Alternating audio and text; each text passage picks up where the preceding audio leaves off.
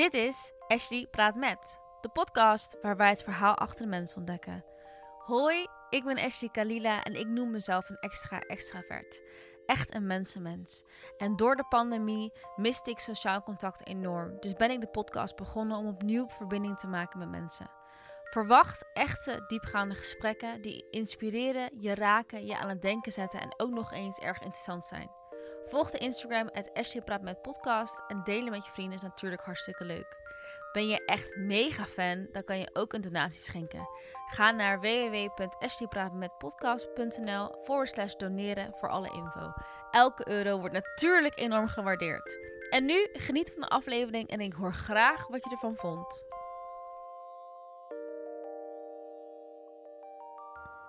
Hallo. Hallo. Goedenavond. Ik zit hier. Oh, sorry. Te enthousiast. Ik ga nu overal op reageren.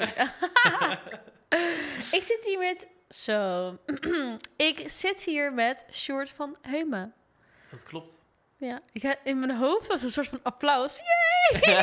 Kunnen we wel eventjes doen? Ja, ja, ja, ja, ja. Twee mensen in een droge ruimte. Hoe voel je je? Uh, goed. Ja, ik heb uh, wel een, een, een, een, uh, kort nachtje gehad. Maar goed, nu de dagen wat langer zijn met niks doen en stilzitten, dan haal je dat altijd overdag wel weer in. Dus uh, nu ben ik wel weer, ja, weer uitgerust voor, voor dit. Ja. Ik ben jaloers.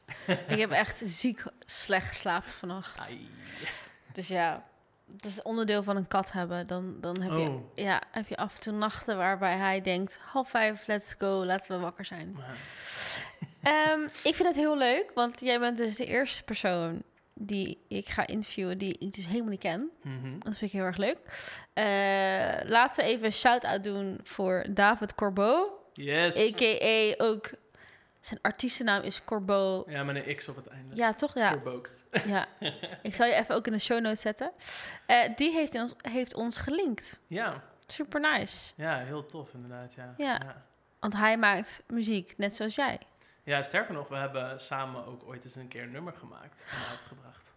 Wacht eens even. Nu hoor je het aan mijn stem. Nee, nee, nee, nee, nee. Maar opeens bedenk ik me dus dat ik dit... Volgens mij heb ik dit gehoord. Ja, dat, ja, dat denk Het ik is wel. een beetje een in, in, indie nummer, toch? Een Ja, beetje? klopt. Ja, het is echt onze stijlen, zeg maar, wel samengevoegd. Hij is wel heel erg van de ja, rap, hip-hop kant, zeg maar. En ik ben altijd meer van de eh, ja, gitaarmuziek geweest. En toen, we konden het heel goed vinden als vrienden natuurlijk. En toen was het altijd zo van, oh ja, moeten we een keer samen muziek maken? En dat was dan altijd zo van, ja, moet je altijd maar afwachten wat er dan echt van komt, weet je wel. Want natuurlijk op muzikaal of creatief vlak klikken, dat is altijd een heel, een heel nieuw level, zeg maar. Maar dat, eh, ja, dat, dat ging eigenlijk best wel goed. En daar waren we toen allebei best tevreden over. En ik had ook zoiets van, ja, ehm, ik breng het gewoon met hem uit. Ja, ik ging daar niet te, te moeilijk over doen of zo, of te lang over nadenken. Soms moet je ook gewoon daarin je impulsen volgen en dat gewoon doen. Ja, Dus, ja. wat leuk. Hoe heet Ja. dat nummer eigenlijk? Voor altijd. Zo, ja. maar het is, het is alweer een tijdje geleden inderdaad dat hij, dat hij is uitgekomen. En ik had toen nog niet echt een artiestennaam en ik zat nog een beetje tussen projecten in. Dus ik vond het toen ook lastig om een soort van iets nieuws te starten waar ik dan, waarvan ik wist van ah, waarschijnlijk blijft dit ooit bij één liedje of misschien twee nummers, weet je wel. Dus eh, voor mij was het dan daarin ook niet al te serieus. Eh, ook om, het was in het Nederlands en normaal schrijf ik altijd in het Engels.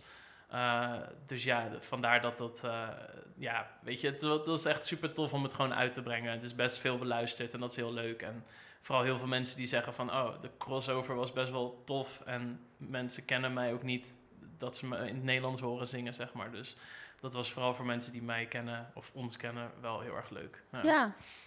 Oké, dus onder welke naam maak je muziek nu? Uh, nu is dat Parish Boy.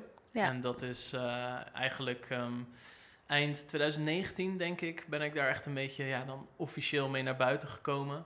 Ehm, en uh, ja, daar, daar heb ik nu eigenlijk pas in oktober 2020, dus afgelopen jaar, heb ik mijn eerste single uitgebracht. En nu uh, vorige week vrijdag mijn, mijn tweede single. Dus ja, dat is nu een beetje, een beetje aan, het, aan het lopen, om het zo maar te zeggen. Hmm. Ja. En uh, hoe zou je je sound describen? Ik kan weet niet hoe... Omschrijven. Omschrijven, ja. Um, ja, het is... De liedjes die ik, die ik nu heb opgenomen zijn wel echt...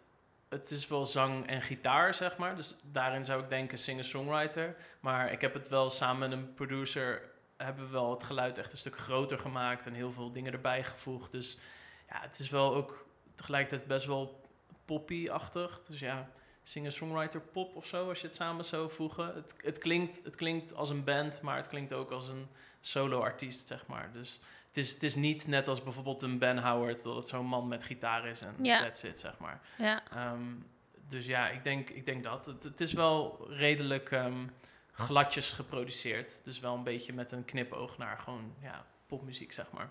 Ja. ja, ik heb het geluisterd. Dus ik weet wel hoe het is. Ehm, maar eh, vertel even, oké, dus je bent, oké, maar eh, je reis hier naartoe. Ehm, ja, die is best wel lang. Eh, ik heb, Begin bij ehm, het begin. Helemaal bij het begin. Ik werd geboren, 28 jaar geleden. nee, ik heb ehm, eh, ja, eigenlijk altijd in mijn jeugd ben ik wel bezig geweest met, met muziek. Ik heb vroeger heb ik toneellessen gehad bij Jeugdtheater Hofplein hier om de hoek. Ehm, en ja, op een gegeven moment, dat vond ik zo leuk dat ik na mijn middelbare school ben ik eh, de MBO theaterschool gaan doen. En daar krijg je dan les in nou ja, acteren, zingen, dansen. En na twee jaar kwam ik er daar wel achter dat zingen altijd wel echt het ding was wat ik het leukste vond om te doen. Alleen wat ik altijd heel moeilijk vond, was dat in het theater of in de kleinkunst zing je altijd andermans liedjes. Of andermans teksten, om het zo maar te zeggen. Ehm, en dat wilde ik niet. Ik had wel zoiets van, ah ja, maar ik wil dan ook zelf iets kunnen schrijven. Maar het wilde dan ook weer geen kleinkunstmuzikant worden of, of, of ja, eh, in het Nederlands schrijven, zeg maar. Dus toen werd het toch al best wel snel popmuziek.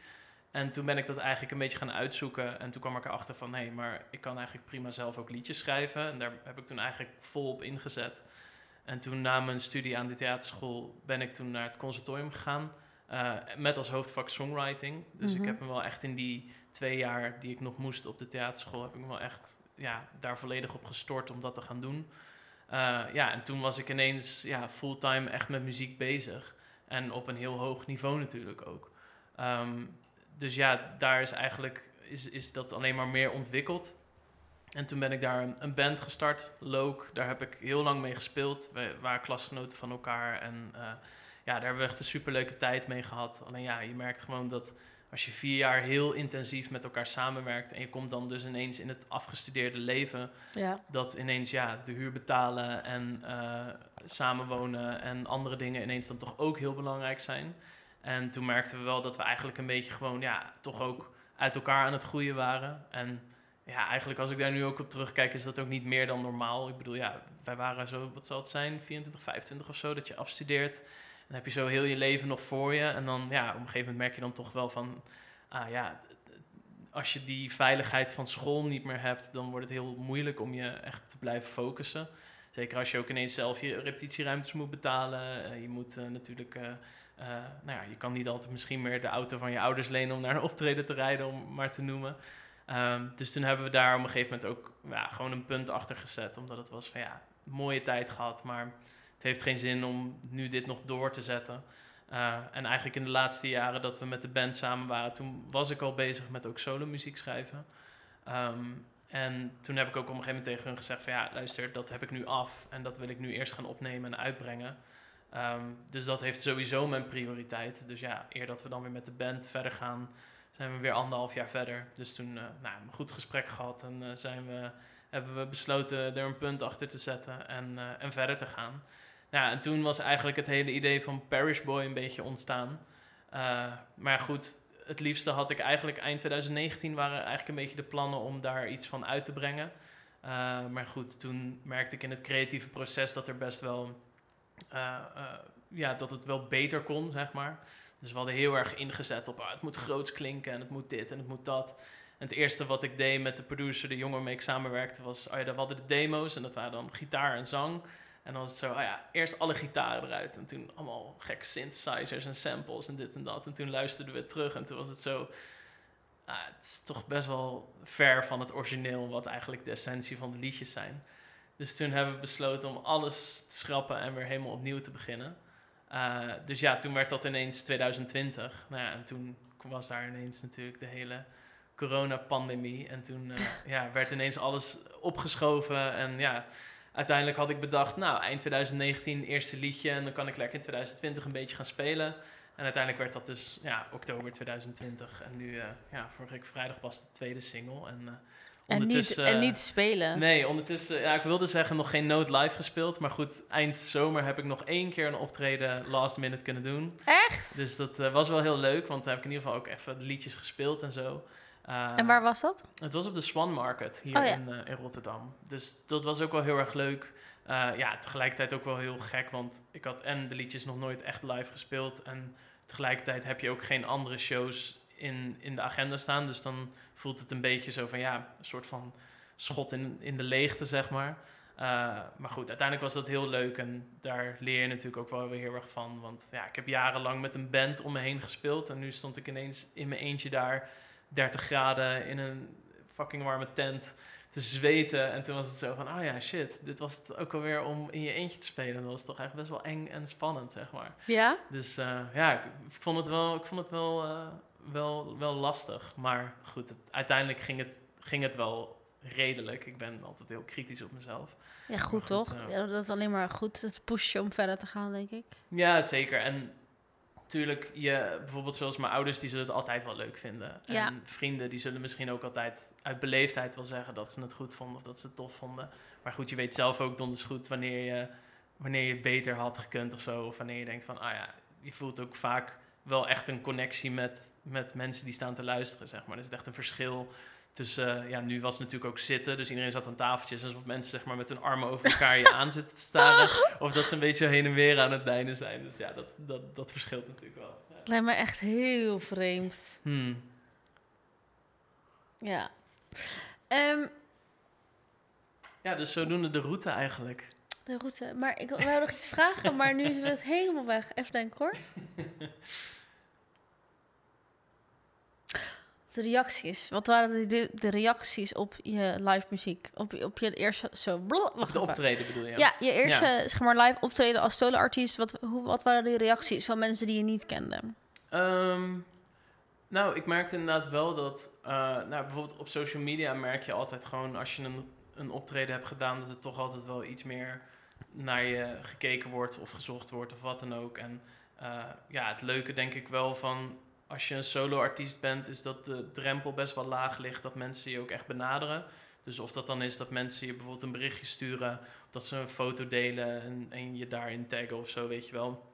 Ja, dat, daar haal ik dan eigenlijk het meeste uit van, ah ja, dan zal het wel goed geweest zijn, weet je wel. Ik bedoel, soms kan het ook helemaal stil zijn na een optreden. Of soms heb ik ook zelf dat ik denk van, ah ja, ik ben klaar met spelen en dan wil ik ook zo snel mogelijk of weg of nog even een biertje doen en dan meteen weg. En nu was ik nog blijven hangen, nog wel wat mensen gesproken. En ja, uiteindelijk was het allemaal, allemaal best positief. Dus moet ik Ja. mezelf ook niet zo heel erg gek mee maken.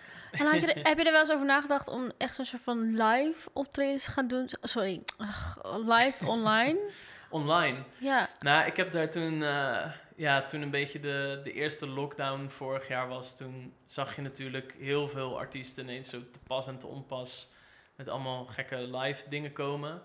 Eh, en daar zit natuurlijk een verschil in tussen, ja, ehm, iemand die vanaf zijn bank in zijn huiskamer dan inderdaad zijn telefoon neerzet en dan iets gaat spelen.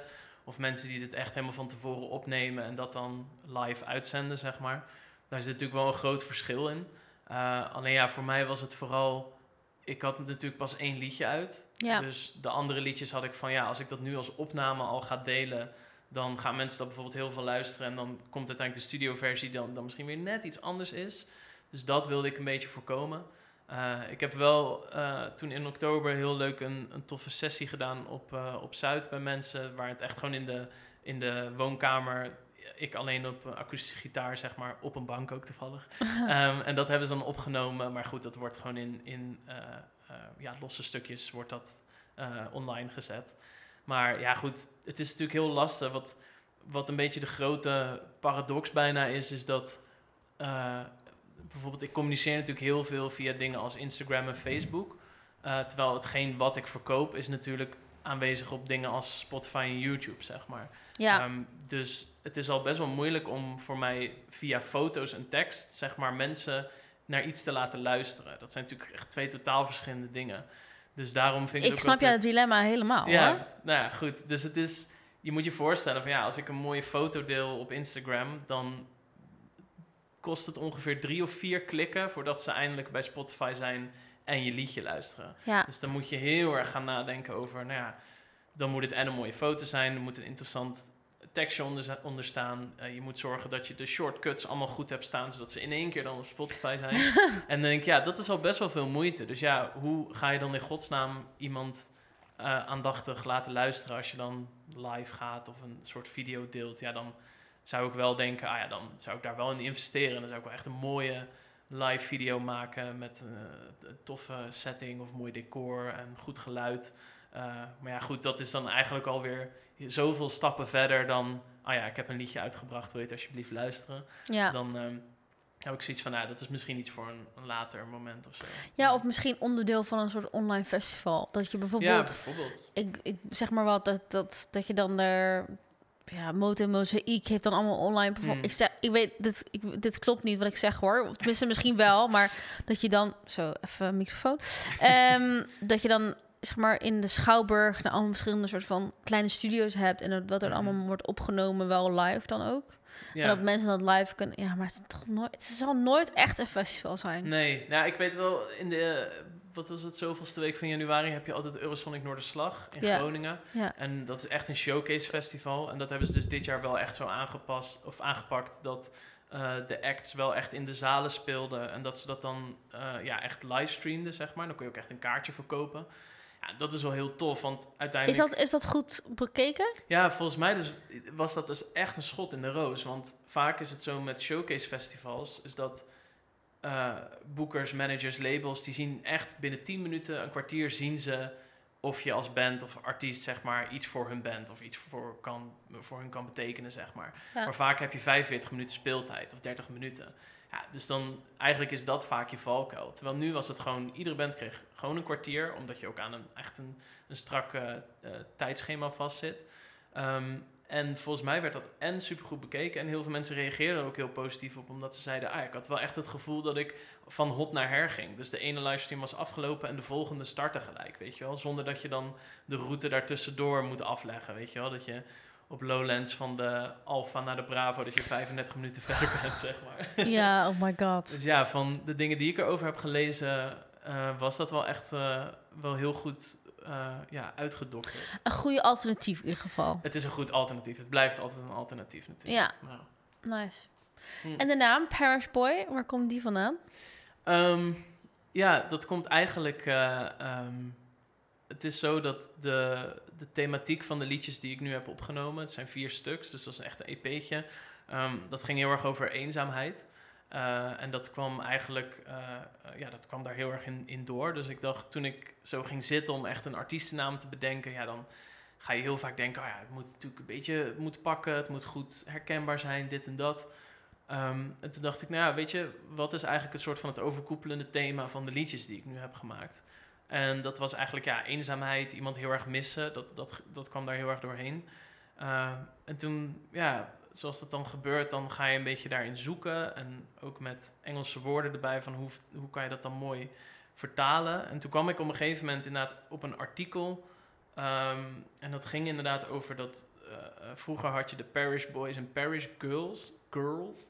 Um, en dat uh, had ermee te maken dat de, kerk had vroeger natuurlijk best wel een, een maatschappelijke functie binnen een, ja, een gemeente of binnen een stad.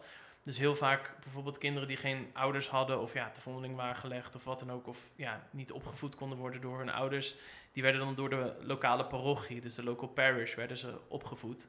Uh, en dan, als dat dan het geval was, dan was je dus een parish boy.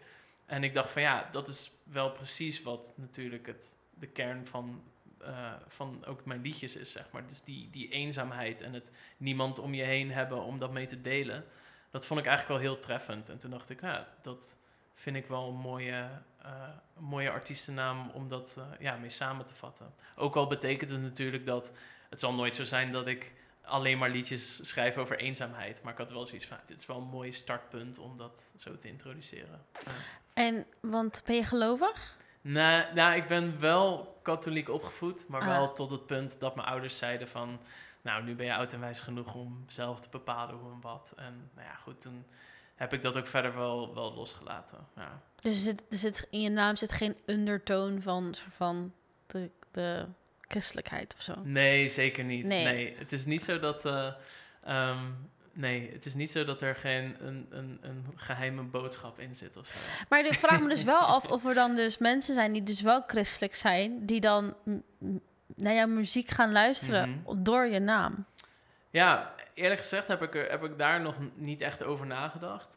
Eh, Dat is wel echt, dat kan wel dat echt. kan wel. Ja, maar goed, aan de andere kant, misschien. Ik zeg niet dat het erg is, slecht Nee, nee, of goed, helemaal niets, maar het is gewoon... Het zou kunnen. Nou ja, goed, weet je, iedereen die het luistert en het mooi vindt, is mooi meegenomen natuurlijk, ongeacht je, je achtergrond of religie.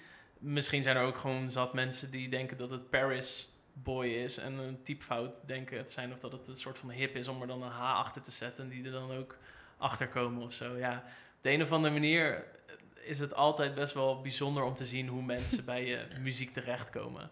Dus dat, ehm, ja, ik weet niet. Ik kreeg wel ineens gisteravond op Instagram een eh, religieuze volger erbij. Volgens mij heette het account Hij Komt.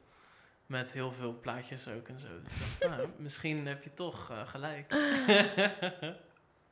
Ja, ik, ja ik, denk het, ik denk het wel. misschien wel, ja. Maar goed, dat is denk ik gewoon een, eh, ja, een consequentie van de keuze die je gemaakt hebt. Hmm. Nou, het is natuurlijk ook... ehm, mijn vorige band, die heette dan Loke. En dat was heel erg vernoemd naar een personage uit een film. En hoe Ehm, schrijf je dat? L-O-G-U-E. Logue.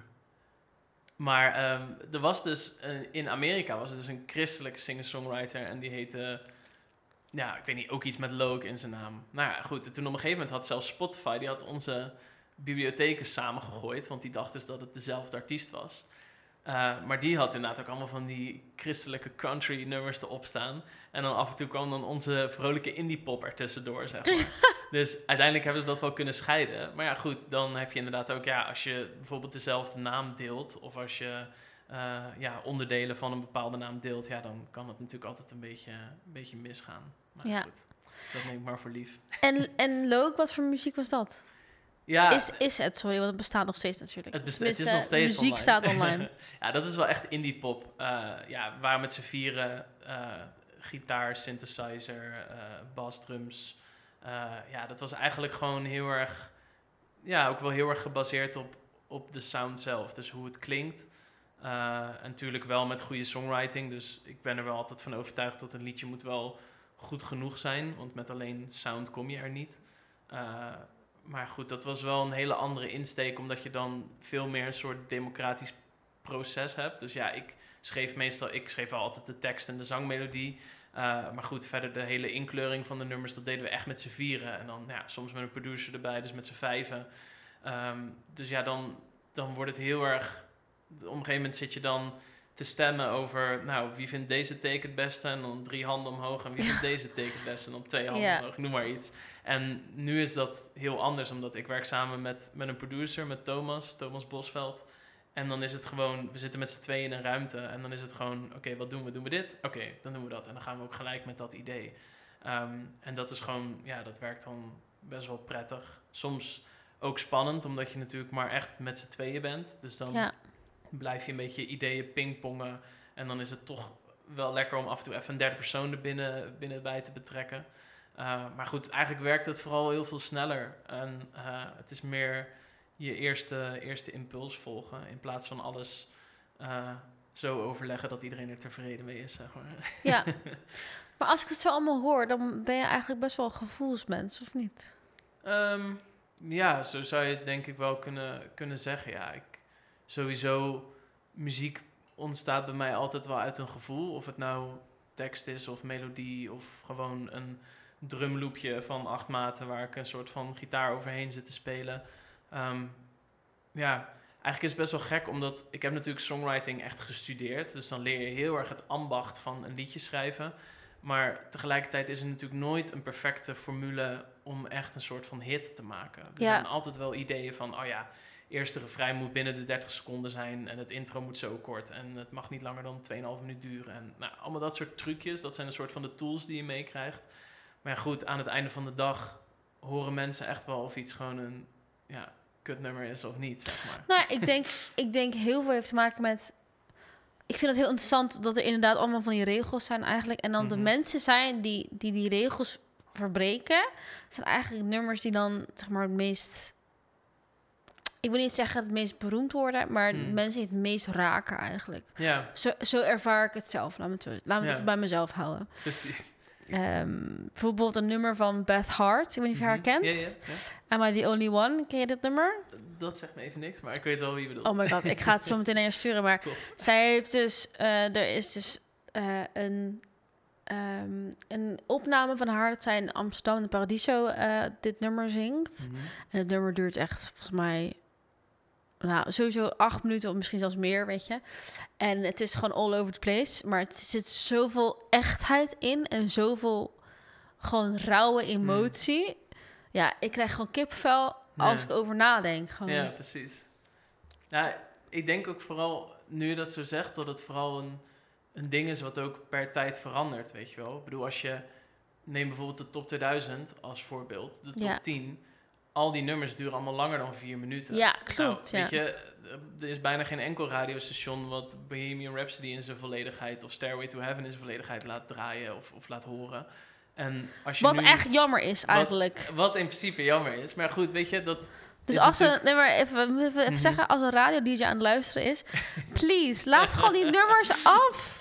Ik, ja, dit is waarom ik geen radio luister, maar weet je, er Nee. zijn vast wel mensen die wel naar radio luisteren, die gewoon het volledige fucking nummer willen horen. ja, dat is altijd wel heel irritant. Ik weet ook nog wel met Loke, als we dan bijvoorbeeld gedraaid werden op de radio, dan hadden we.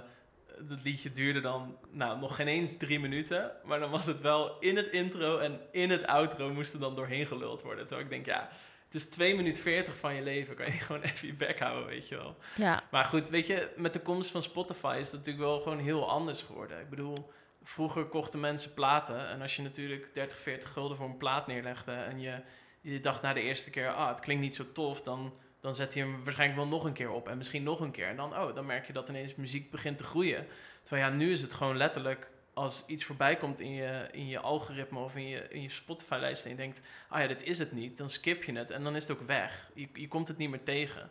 Dus ik snap ook wel dat ook de manier waarop je muziek consumeert, maar ook ja, hoe, hoe het dan nu gemaakt wordt, is dat, nou ja, de laatste keer dat ik een intro heb gehoord wat langer is dan 30 seconden, is echt lang geleden. Omdat het gewoon, tegenwoordig is dat allemaal ultra kort, gewoon twee seconden maximaal. En dan zit meteen, hoppa, de eerste hoek zit er al, weet je wel. Ehm, en dat is, dat is natuurlijk ook gewoon een beetje de tijd van nu. Ehm, maar ja, of dat dan bevorderlijk is voor, voor de, algehele kwaliteit, dat, ja, dat weten we misschien over 20 jaar pas. Als er hopelijk eindelijk een andere top 10 van de top 2000 is. nou, er is toch nu, er is de nummer 1 is toch... Eh, eh, oh ja, van eh, Danny Vera, toch? ja, ja. ja. ik vind het wel interessant dat we het hierover hebben, want jij weet dit niet, maar mijn vader heeft dus een plaatzaak. Oh, daar ben je, hier in Rotterdam. Ja, de plaatboef. Oh, echt? Oh, nou, Ja. daar kom ik wel. Ja. Inderdaad. Nice. Oh, nou, wat leuk. de plaatboef was echt soort van mijn tweede thuis vroeger. Mm. Eh, maar ik weet nog ik weet heel goed dat mijn vader zei van vroeger in de jaren. De plaatboef is nu volgens mij 40 jaar oud, dus in de Hmm. jaren 80. Ehm, hij zei ja, de meeste muziek dat uit was in de wereld. Oké, wel Engelstalig dan natuurlijk, want Ja. je hebt natuurlijk ook heel veel Spaanstaligen. Dat kende ik wel eigenlijk, Mhm. weet je. En eh, omdat het natuurlijk zoveel meer stappen wa- was om zeg maar een plaat uit te brengen. Eh, maar nu, als jij nu gaat proberen te luisteren naar alle muziek wat in de wereld is of zo, je bent, je, ja, je hebt niet eens, je kan niet Ja. eens. Het gaat je niet eens lukken, inderdaad. Nee. Nee. Maar dit verschil, dat is bizar, echt. Ja. En, Ja, te- en, en, en hij wel, ik vind het wel heel leuk om te zien, hij vindt, het, hij vindt Spotify dus echt helemaal fantastisch, weet je. mm. Dat je gewoon zoveel meer kan luisteren eigenlijk dan Ja. vroeger. Ja, weet je, tuurlijk, het is, ik doe nu een soort van, alsof ik een soort van, eh, ja, hoe zeg je dat? Eh, verwende muzikant ben die zegt van, oh, de kwaliteit gaat achteruit of zo. Misschien een beetje oude ziel, laat ik het zo zeggen. Maar ja, tuurlijk, er zitten, er zitten voor- en nadelen aan. Ik bedoel, zeker omdat ik zelf ook muziek uitbreng. Ik zat vanmorgen nog te kijken. ehm, het is geluisterd in Finland, Noorwegen, de Verenigde Staten, Indonesië, Argentinië. Ja, sorry, maar 20, mi- 20 jaar geleden, als je iets online zette, nou, no way. Nou, dan wist je het misschien niet dat het daar beluisterd werd. Maar ja, je bereik door Spotify en streamingdiensten en YouTube en noem het allemaal op, is natuurlijk zo enorm geworden dat het, eh, ja, dat je bereikt ook gewoon mensen aan de andere kant van de wereld. Eh, ja, wat voorheen zou dat nooit lukken als je, je met je cd'tje inderdaad naar de plaatboef ging en zei van, hé, hey, ik heb een EP'tje gemaakt, mag het hier in de schappen liggen? Nou, dan sprak je een prijs af inderdaad en dan was dat dan zo. Maar ja, dan waren het waarschijnlijk ook alleen maar mensen uit Rotterdam die het dan kochten, weet je wel. Ja. Dus dat, ja, natuurlijk, er zitten voor, voor- en nadelen aan. Maar ehm, ja, het is natuurlijk best wel een gekke gedachte, inderdaad, wat je ook zegt. Volgens mij is er zelfs een website, dat heet Forgetify of zoiets. En dat is dus gewoon allemaal muziek die nog nooit beluisterd is op Spotify. Die gewoon nul plays hebben. Echt? En daar heb je dus gewoon, daar kan je eindeloos ook door blijven skippen. En dan denk ik, dan heeft iemand heeft dat dus er gewoon opgezet. Oh, dat doet echt pijn. En dan wordt het gewoon niet geluisterd. Ja, maar het, is ook, het zijn ook gewoon van die dingen als, ja, ik weet niet, een soort synthesizer die voor acht minuten doorklinkt of zo, weet je wel. Oké. Ik bedoel, Spotify is wat dat betreft, ze zijn iets eh, lakser geworden met de regels. Ik bedoel, het is wel, ja, als jij zegt, eh, ik hou van stille panfluitenmuziek, want daar, daar val ik van in slaap, zeg maar. Ja, dus het- daar zullen vast wel 40.000 albums voor eh, te vinden zijn. Nou, ik weet het misschien overdreven. 40, 40 albums voor te vinden zijn. Dus ja, weet je, eh, wat dat betreft, de keuze is reuze natuurlijk. Dus dan, maar goed, ik, ik vind dan wel zoiets van, als het einde wel echt zoek is, als, als straks echt alles kan, ja, dan, dan hou ik me wel een beetje mijn hart vast voor de kwaliteit, zeg maar. Van.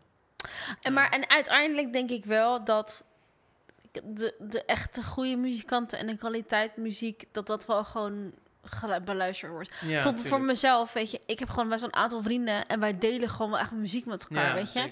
Ja. En ik zend het echt uit into the Mhm. world. Dus ook nu voor iedereen die aan het luisteren is. hè? Why not? Weet je, eh, muziek is gewoon een soort van bloed in mijn aderen. Mhm. En I need it. En ik heb echt nieuwe muziek ook nodig. Dus stuur maar gewoon. Maar niet uit wat het is. Nee, precies. Nou ja, goed. En dat is natuurlijk, dat verschilt ook heel erg inderdaad per, per persoon. Ik bedoel, ik, ik sta daar ook altijd voor open. En zeker omdat ik natuurlijk ook zelf als muzikant bezig ben, dan eh, krijg je ook vaker dingen toegestuurd dan dat je misschien zou willen. Of die je, die je dan toch checkt, zeg maar. Ja. Natuurlijk kijk ik ook altijd een beetje wat er dan bijvoorbeeld in, in Rotterdam speelt. Of ja, als je bijvoorbeeld ergens live speelt op een festival en je ziet allemaal namen staan op de poster, dan ga je toch altijd even kijken van, oh ja, wat speelt er nou nog meer? Wat is nog meer actueel? Ehm, dus ja, dat is, dat is wat dat betreft wel. Het is heel fijn dat een soort van het delen nu allemaal echt ultra snel gaat. Want ja, Ja. straks heb jij inderdaad in één klik op de knop heb je dat nummer van Beth Hart naar me doorgestuurd. Ja. Eh, terwijl ik daar dan zelf niet op was gekomen waarschijnlijk. Maar goed, aan de andere kant is het natuurlijk wel... ehm, als je oom bijvoorbeeld een of ander hobbybandje heeft... eh, en die zitten lekker blue, bluegrass te spelen in hun schuur... ja, die nemen het ook op en die zetten het ook op Spotify, weet je wel. Ja, en dan krijg je natuurlijk wel dat... straks wordt het wel een soort van één groot moeras... eh, waarin je natuurlijk dan ook maar een beetje... eh, ja, een kwaliteitsfilter zou ik niet heel erg vinden of zo. Ja. zou het Natuurlijk, het is heel stom om te zeggen, oh, je moet van een bepaald niveau zijn om een soort van op Spotify te mogen. Maar ja, goed, als jij, eh, weet ik het wat, een kwartier aan boeren en scheten opneemt en je zet daar een, een muziekje onder, dan kan je het in principe ook uploaden en geld vervangen, zeg maar. En daar betalen jij en ik met onze abonnementen ook aan mee. En daarvan Ja. heb ik dan wel, ja, daar moet wel een iets beter systeem voor Maar goed, misschien, misschien is dat... Ja, weet je, ik kan me wel voorstellen dat het wel heel funny is... om zeg maar een kwartier wel, lang boer en scheten onder muziekje. Misschien is het zelfs een gat in de markt. Ik Ja. zal het zeggen. ja. Wat voor muziek luister je dan zelf? Ehm, ja. Wat heb je ik- geluisterd onderweg hierheen? Ehm zal ik eens even mijn telefoon erbij pakken? Ja. Hij staat op vliegtuigmodus, dus ik kan, eh, ik kan even kijken. Eh, wat ik nu veel luister is een album van Palace. Tame Impala luister ik veel. Ja. Eh, The National, die hebben Mhm. een heel mooi album uitgebracht. Jaren geleden wat ik echt bl- kan blijven luisteren. Ja. Ik heb Friendly Fires weer opnieuw ontdekt. Eh, de nieuwe single van Royal Blood, Blood, daar ga ik heel hard op. Eh, Blood Orange vind ik tof. Pff, Kelly Lee Owens, heel veel. Maar zoals je ziet, ik heb ook een playlist waar gewoon alles in staat. En dat is inderdaad ook echt een komen en gaan van, van nieuwe muziek. Ik denk wel, ik merk wel aan mezelf dat ik veel meer individuele nummers ben gaan luisteren. Ook omdat gewoon de spanningsboog voor een album vaak net iets te kort is of zo. Een artiest moet me wel echt kunnen boeien. Wil je dat 12 nummers, 50 minuten of een uur zeg maar door, eh, doorluisteren. Eh, maar goed, dat is in principe ook niet erg. Grappig, dat is wel... Ik, dat is nu ik het zeg... eh, is mijn Spotify ook zo. Er zijn maar een Hmm. aantal artiesten waarbij ik dus echt helemaal... En ook heel vaak hoor ik een tof nummer...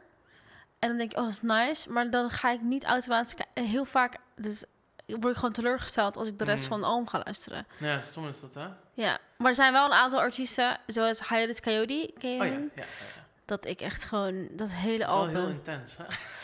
Ja, ja ik hou, maar ik hou echt van intense muziek. ja, ja, ja. Ik hou van intense muziek en ik hou echt van dramatische muziek. Ja, ja. Ik heb nu ook een... ehm, ja, dit is van een Japanse anime. We vragen, Oh oh, ik ben hier opgekomen via TikTok. TikTok course. is sometimes great dingen. En dat is echt zo'n hele dramatische, klassieke nummer. Hmm. Maar het is echt... Oh, I love it. Ik krijg echt Ja, kippenvel als ik het luister. Ja.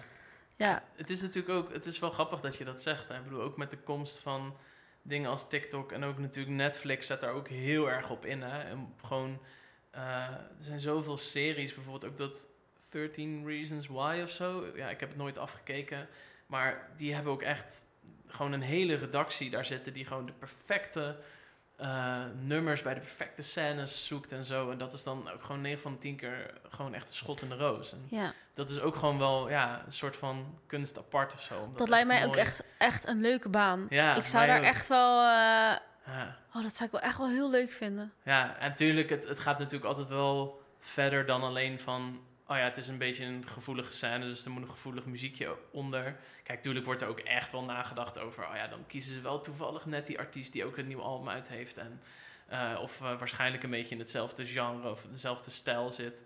Ehm, hetzelfde als dat bijvoorbeeld op Spotify heb je natuurlijk ook heel erg die moods. Hè? Dus dat je Ja, zegt van, oh, ik voel me vrolijk. En ik weet niet, misschien dat muziek, ik wil niet zeggen dat het gedegradeerd is, maar dat muziek nu een soort van verpakt is van eh, in gemoedstoestanden. Dus ook als ik bijvoorbeeld zelf een liedje upload, dan moet ik dus ook een soort van drie kernwoorden toevoegen, wat, het, wat voor gevoel het dan opwekt, zeg maar. Of waar het dan textueel om gaat. Ja, gewoon puur om inderdaad in te spelen op die playlists. En mood, ja, als jij mood, zegt ja. van ja, eh, ik voel me verdrietig en je zet iets aan, nou dan krijg je waarschijnlijk die eerste Jeff drie Buckley. Ja, of die drie albums van Adele, zeg maar. ja, Ja. weet je, dan op zich, ik snap heel goed dat het, dat het daar naartoe gaat, maar het is wel, ja, je gaat dan wel heel anders ineens ook naar je eigen muziek luisteren, maar ook naar muziek van anderen. Van, En denk je dat het ook is... Een, kijk, denk je dat het ook misschien is dat mensen gewoon meer in contact zijn gekomen met hun eigen gevoel en dan daarom...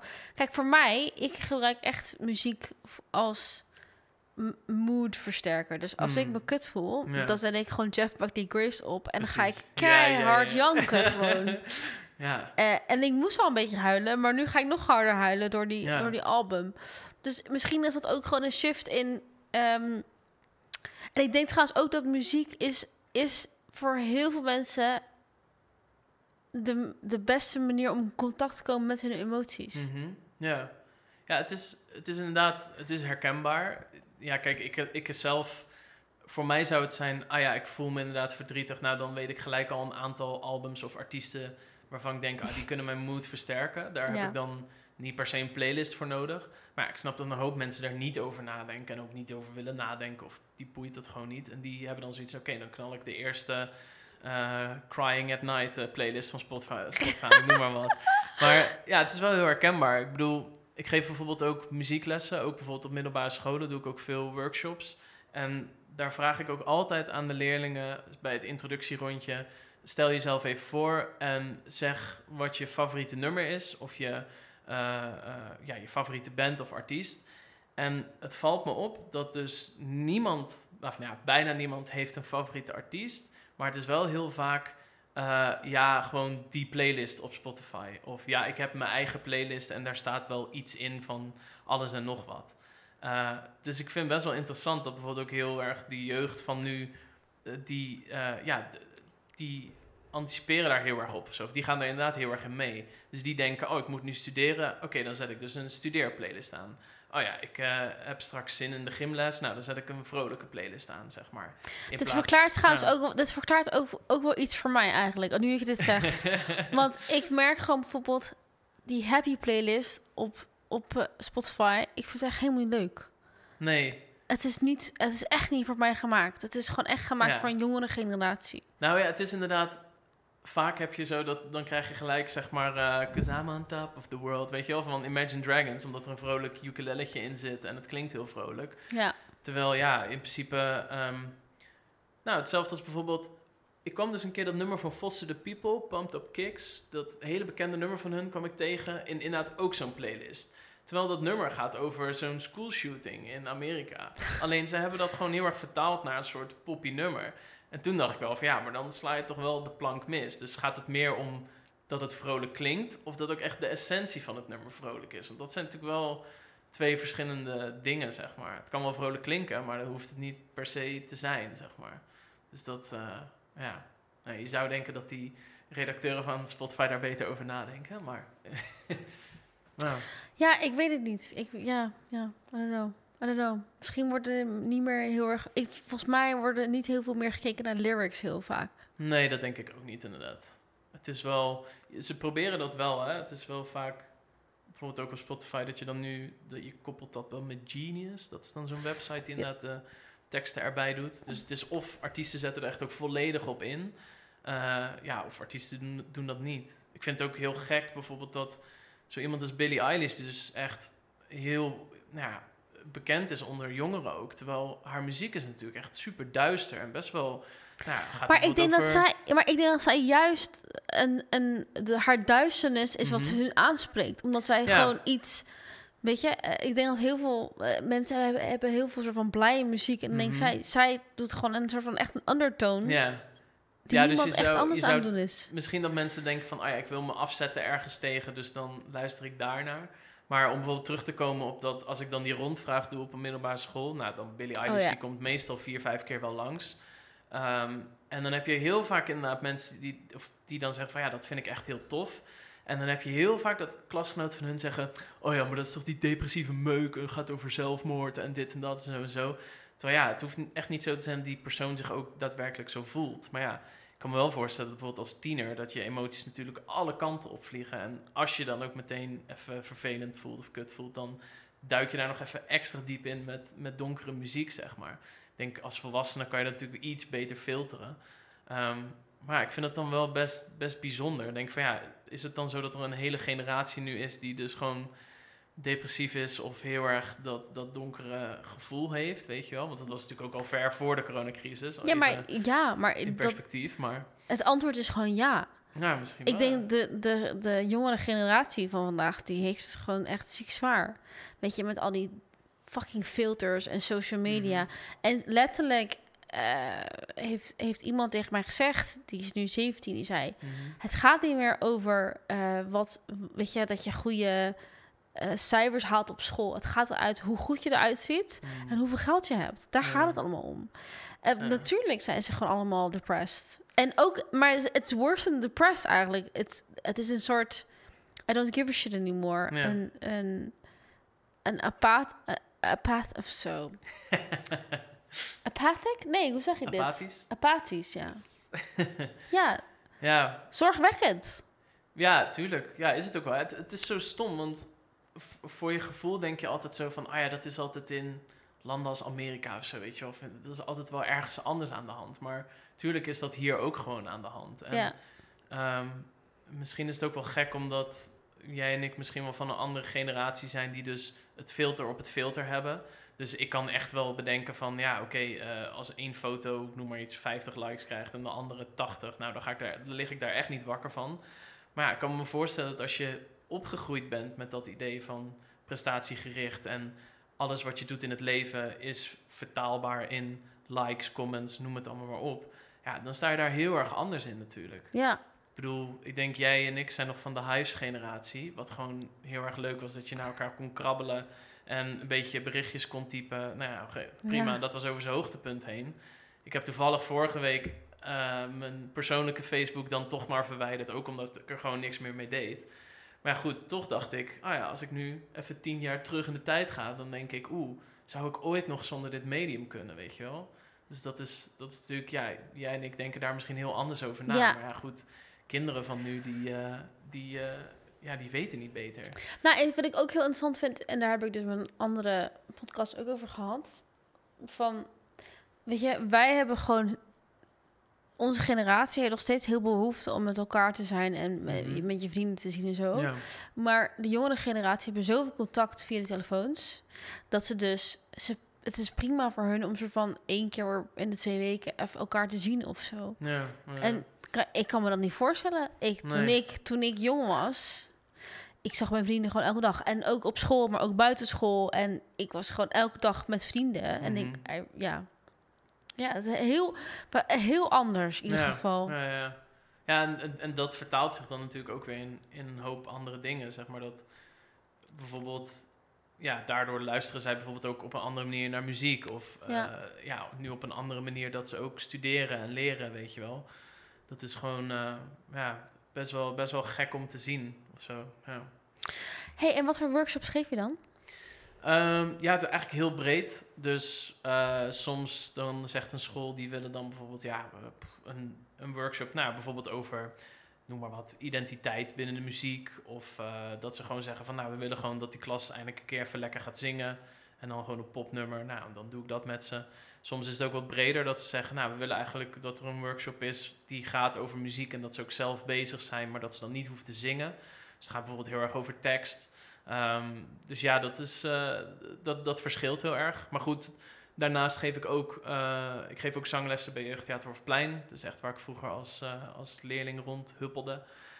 En ik geef les op een internationale school in Den Haag. En dat zijn kinderen die dus net in Nederland zijn. Dus dat zijn of expats of ja, echt vluchtelingen. En daar gaat het dus ook heel erg om de Nederlandse taal. Dus dat zij bezig zijn met nou ja, de Nederlandse taal leren op een andere manier dan woordjes stampen uit een boek, zeg maar. Maar dus ook bijvoorbeeld door theater en door, door muziek. Wat leuk. Eh, ja, dat is wel echt, eh, echt heel tof. En, zeg maar, en dan ook nog een, een stap verder terug. En dat is echt algemene muziekleer op een basisschool. Eh, en dat gaat dan dus inderdaad ook echt van nou ja, zingen tot ritmes klappen, tot hoeveel instrumenten ken je, et cetera, et cetera. Dus ja, het is eigenlijk heel, heel breed van alles wat. Heel leuk, Ehm, denk ik. Ja, heel leuk, zeker. En het is ook best wel grappig, want ik heb eigenlijk een hele uitvoerende opleiding gedaan. Dus echt songwriting. Eh, wat eh, natuurlijk eigenlijk iets heel anders is. Maar ja, goed, je muzikale kennis is natuurlijk gewoon zo groot dat je er altijd wel iets over kan vertellen. En ja, weet je, de tijd is ook echt wel voorbij dat, dat leerlingen op een basisschool met eh, een boekje zitten waar notenbalken in staan en dat ze toonladders moeten gaan zingen. Ja, tegenwoordig is dat veel meer op een, op een spelendere wijze, zeg maar. Dus ik heb ook op het conservatorium heb ik een, eh, ik heb een minor ehm, eh, educatie gevolgd. En daar, eh, ja, daar heb ik ook best wel wat stages doorgelopen en zo. Maar goed, daar hadden we ook altijd een soort van... ja, we hadden altijd een uurtje per week en dat ging altijd over de psychologie achter lesgeven, zeg maar. En hoe dat dan ja, gewoon in real time soms kan veranderen. En daar heb ik best wel veel aan gehad, omdat ja, ik denk de grootste fout die je kan maken is, is om zeg maar een les binnen te stappen en te denken, nou, we gaan het op mijn manier doen. En eh, dit zijn de regels en dit is muziek en zo wordt het gespeeld, zeg maar. Eh, ik denk dat je daar zeker kinderen niet mee boeit. Eh, dus dat dat veel meer op een soort coachende manier moet gebeuren. Dus dat je denkt van, nou oké, tuurlijk, ik breng wel een liedtekst mee, maar ga eens bedenken voor jezelf waar het over gaat, weet je wel. Dus ook heel erg de bal vaak bij de leerling leggen. Ehm, en op die manier probeer ik daar altijd een beetje, eh, ja, ik weet niet, een soort van eigenheid in de lessen te geven. Wat leuk. Ja, ja het is ook wel heel erg, eh, heel erg leuk. Ik mis het ook wel heel erg, want ja, de scholen zijn natuurlijk nu dicht en de periode daarvoor was het allemaal maar half open. En ja, bijvoorbeeld muziekles, dat lukt gewoon niet online. Nee. Je kan niet 30 leerlingen achter een laptop zetten en dat je dan met z'n allen gaat zingen of een ritme klappen met vertraging op de lijn en slechte internetverbinding. En ja, weet je, dus dat ehm, van veel scholen kreeg ik bijvoorbeeld dan wel de vraag van, oh, hoe zou jij dat dan invullen? En toen heb ik eigenlijk ook meteen gezegd, nou ja, niet.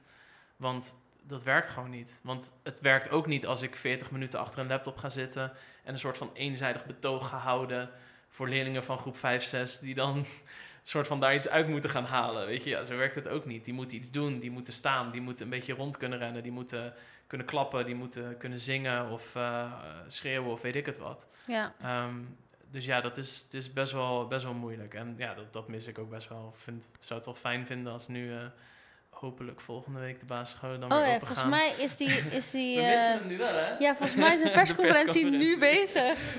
Ja, als straks die telefoons van vliegtuigmodus eh, gaan, dan eh, staan we weer met de enkels in de realiteit. Nee, dat is niet mijn... Ja, dit, dit is mijn realiteit hoor. Dat is niet mijn realiteit. Tenminste. Hey, ehm, wat ik me dus afvroeg is, wat, wat zijn... Ja, oké, ik weet dat het een beetje een rare vraag is, aangezien met corona weten we niet wat er gaat gebeuren. Maar wat, zou, wat zijn je ideeën over je toekomst? Mm, We hebben, we hebben betrekking tot... Zo, muziek. oh, spijt me, het spijt me echt. Dit komt echt omdat ik zo slecht geslapen heb, dat ik gewoon niet meer echt uit mijn woorden kan komen. Maar met betrekking tot muziek. Ehm, ja, dat is natuurlijk altijd een soort van lastige vraag. Want natuurlijk, als je, dit, als je zeg maar deze vraag zo nou, vijf, zes jaar geleden had gevraagd, had ik gezegd: Ah ja, ik ga daar alles aan doen om te kunnen leven van muziek en dit en dat en zus en zo. Ehm, maar ik denk, als je iets hebt geleerd, of als ik iets heb geleerd van deze periode, is dat ehm, ja, niets oneindig is, zeg maar. Dus ik heb ook een hoop oud-klasgenoten die puur alleen voor de muziek hebben gekozen. Nu juist heel hard op hun bek zien gaan omdat ze nooit gespaard hadden of een eh, goede ondernemersdrang hadden of iets dergelijks. Ehm, en ik heb mezelf altijd voorgenomen, met muziek alleen kom je er niet in Nederland, tenzij je Kensington of Direct bent of wat dan ook. Eh, die route is gewoon en heel erg lang en heel erg moeilijk. Dus ik heb altijd geaccepteerd om daar iets bij te doen. Nou, dan kan je inderdaad kiezen om in een koffiebar te gaan werken. Dat werkt misschien prima. Maar ik heb toen op een gegeven moment wel echt gekozen om dan ook daarnaast ook met muziek bezig te zijn. Zodat je altijd wel met je passie bezig bent. Of in ieder geval dat je iets staat te vertellen voor een groep waarvan je denkt... Nou, hier heb ik verstand van en ik heb een interessant verhaal te vertellen. Dus ja, om terug te komen op je vraag. Ik denk, als ik dit zo lang mogelijk kan blijven combineren. Dus ik vind lesgeven vind ik heel leuk. En daarin verandert er echt van alles, zeg maar. Het is nooit een keer hetzelfde. Ja. Uh, en ik zou daarnaast eigenlijk ook gewoon nog steeds muziek kunnen blijven maken, dat uit kunnen brengen. Nou ja, hopelijk hier en daar een keer een toertje te doen of wat te spelen. Dan denk ik dat dat voor mij wel echt een, een goede formule is om, uh, nou ja, om daar gelukkig van te worden. Omdat, uh, oké, misschien aan de ene kant zou ik dan nooit 100% voor het uitvoerende gedeelte gaan, omdat ik altijd dan bezig ben met lessen of wat dan ook. Maar ja, goed, nu als er zo'n crisis ontstaat, uh, dan heb je wel gewoon een vast inkomen waar je op kan terugvallen. En dan is het allemaal ook ineens niet meer zo heel heftig, zeg maar. Maar het voelt ook niet. Wat ik heel erg aan jou voel, is dat het niet.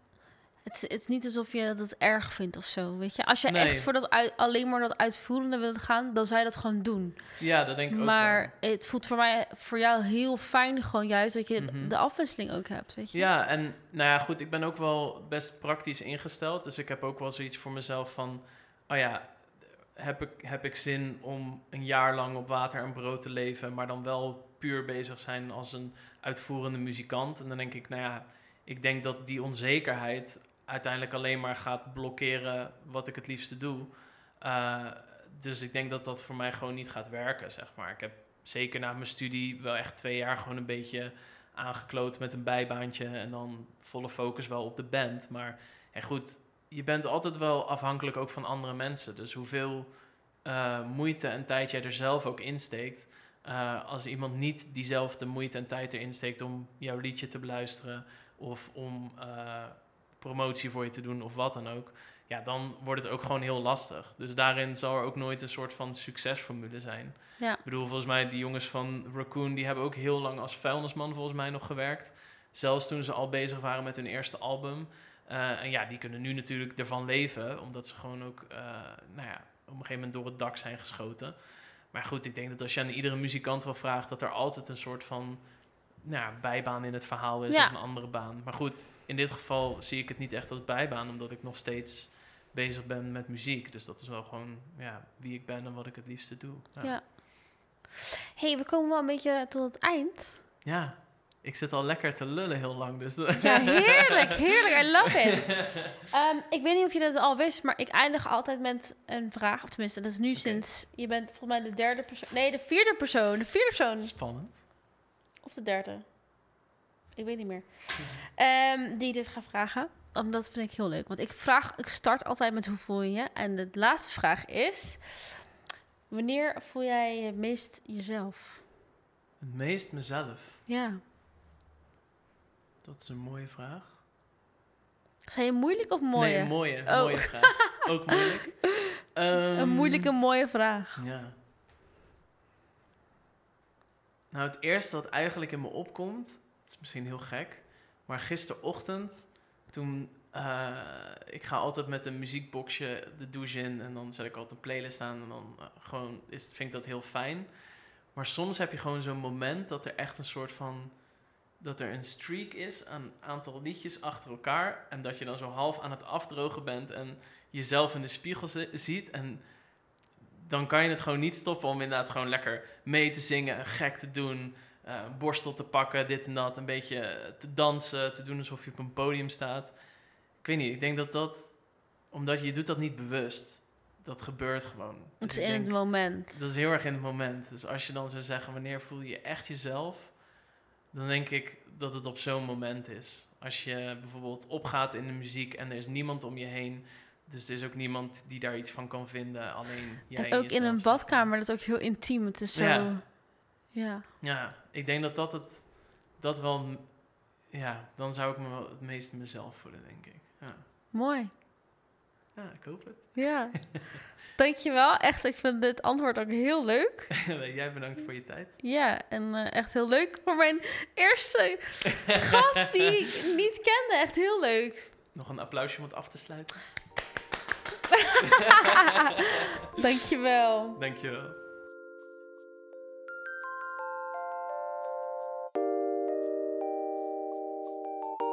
Zo, dat was hem weer. Ik hoop dat je dit een interessant gesprek vond.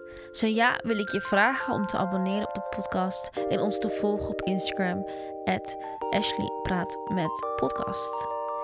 Delen en een review achterlaten wordt enorm gewaardeerd. Tot de volgende keer.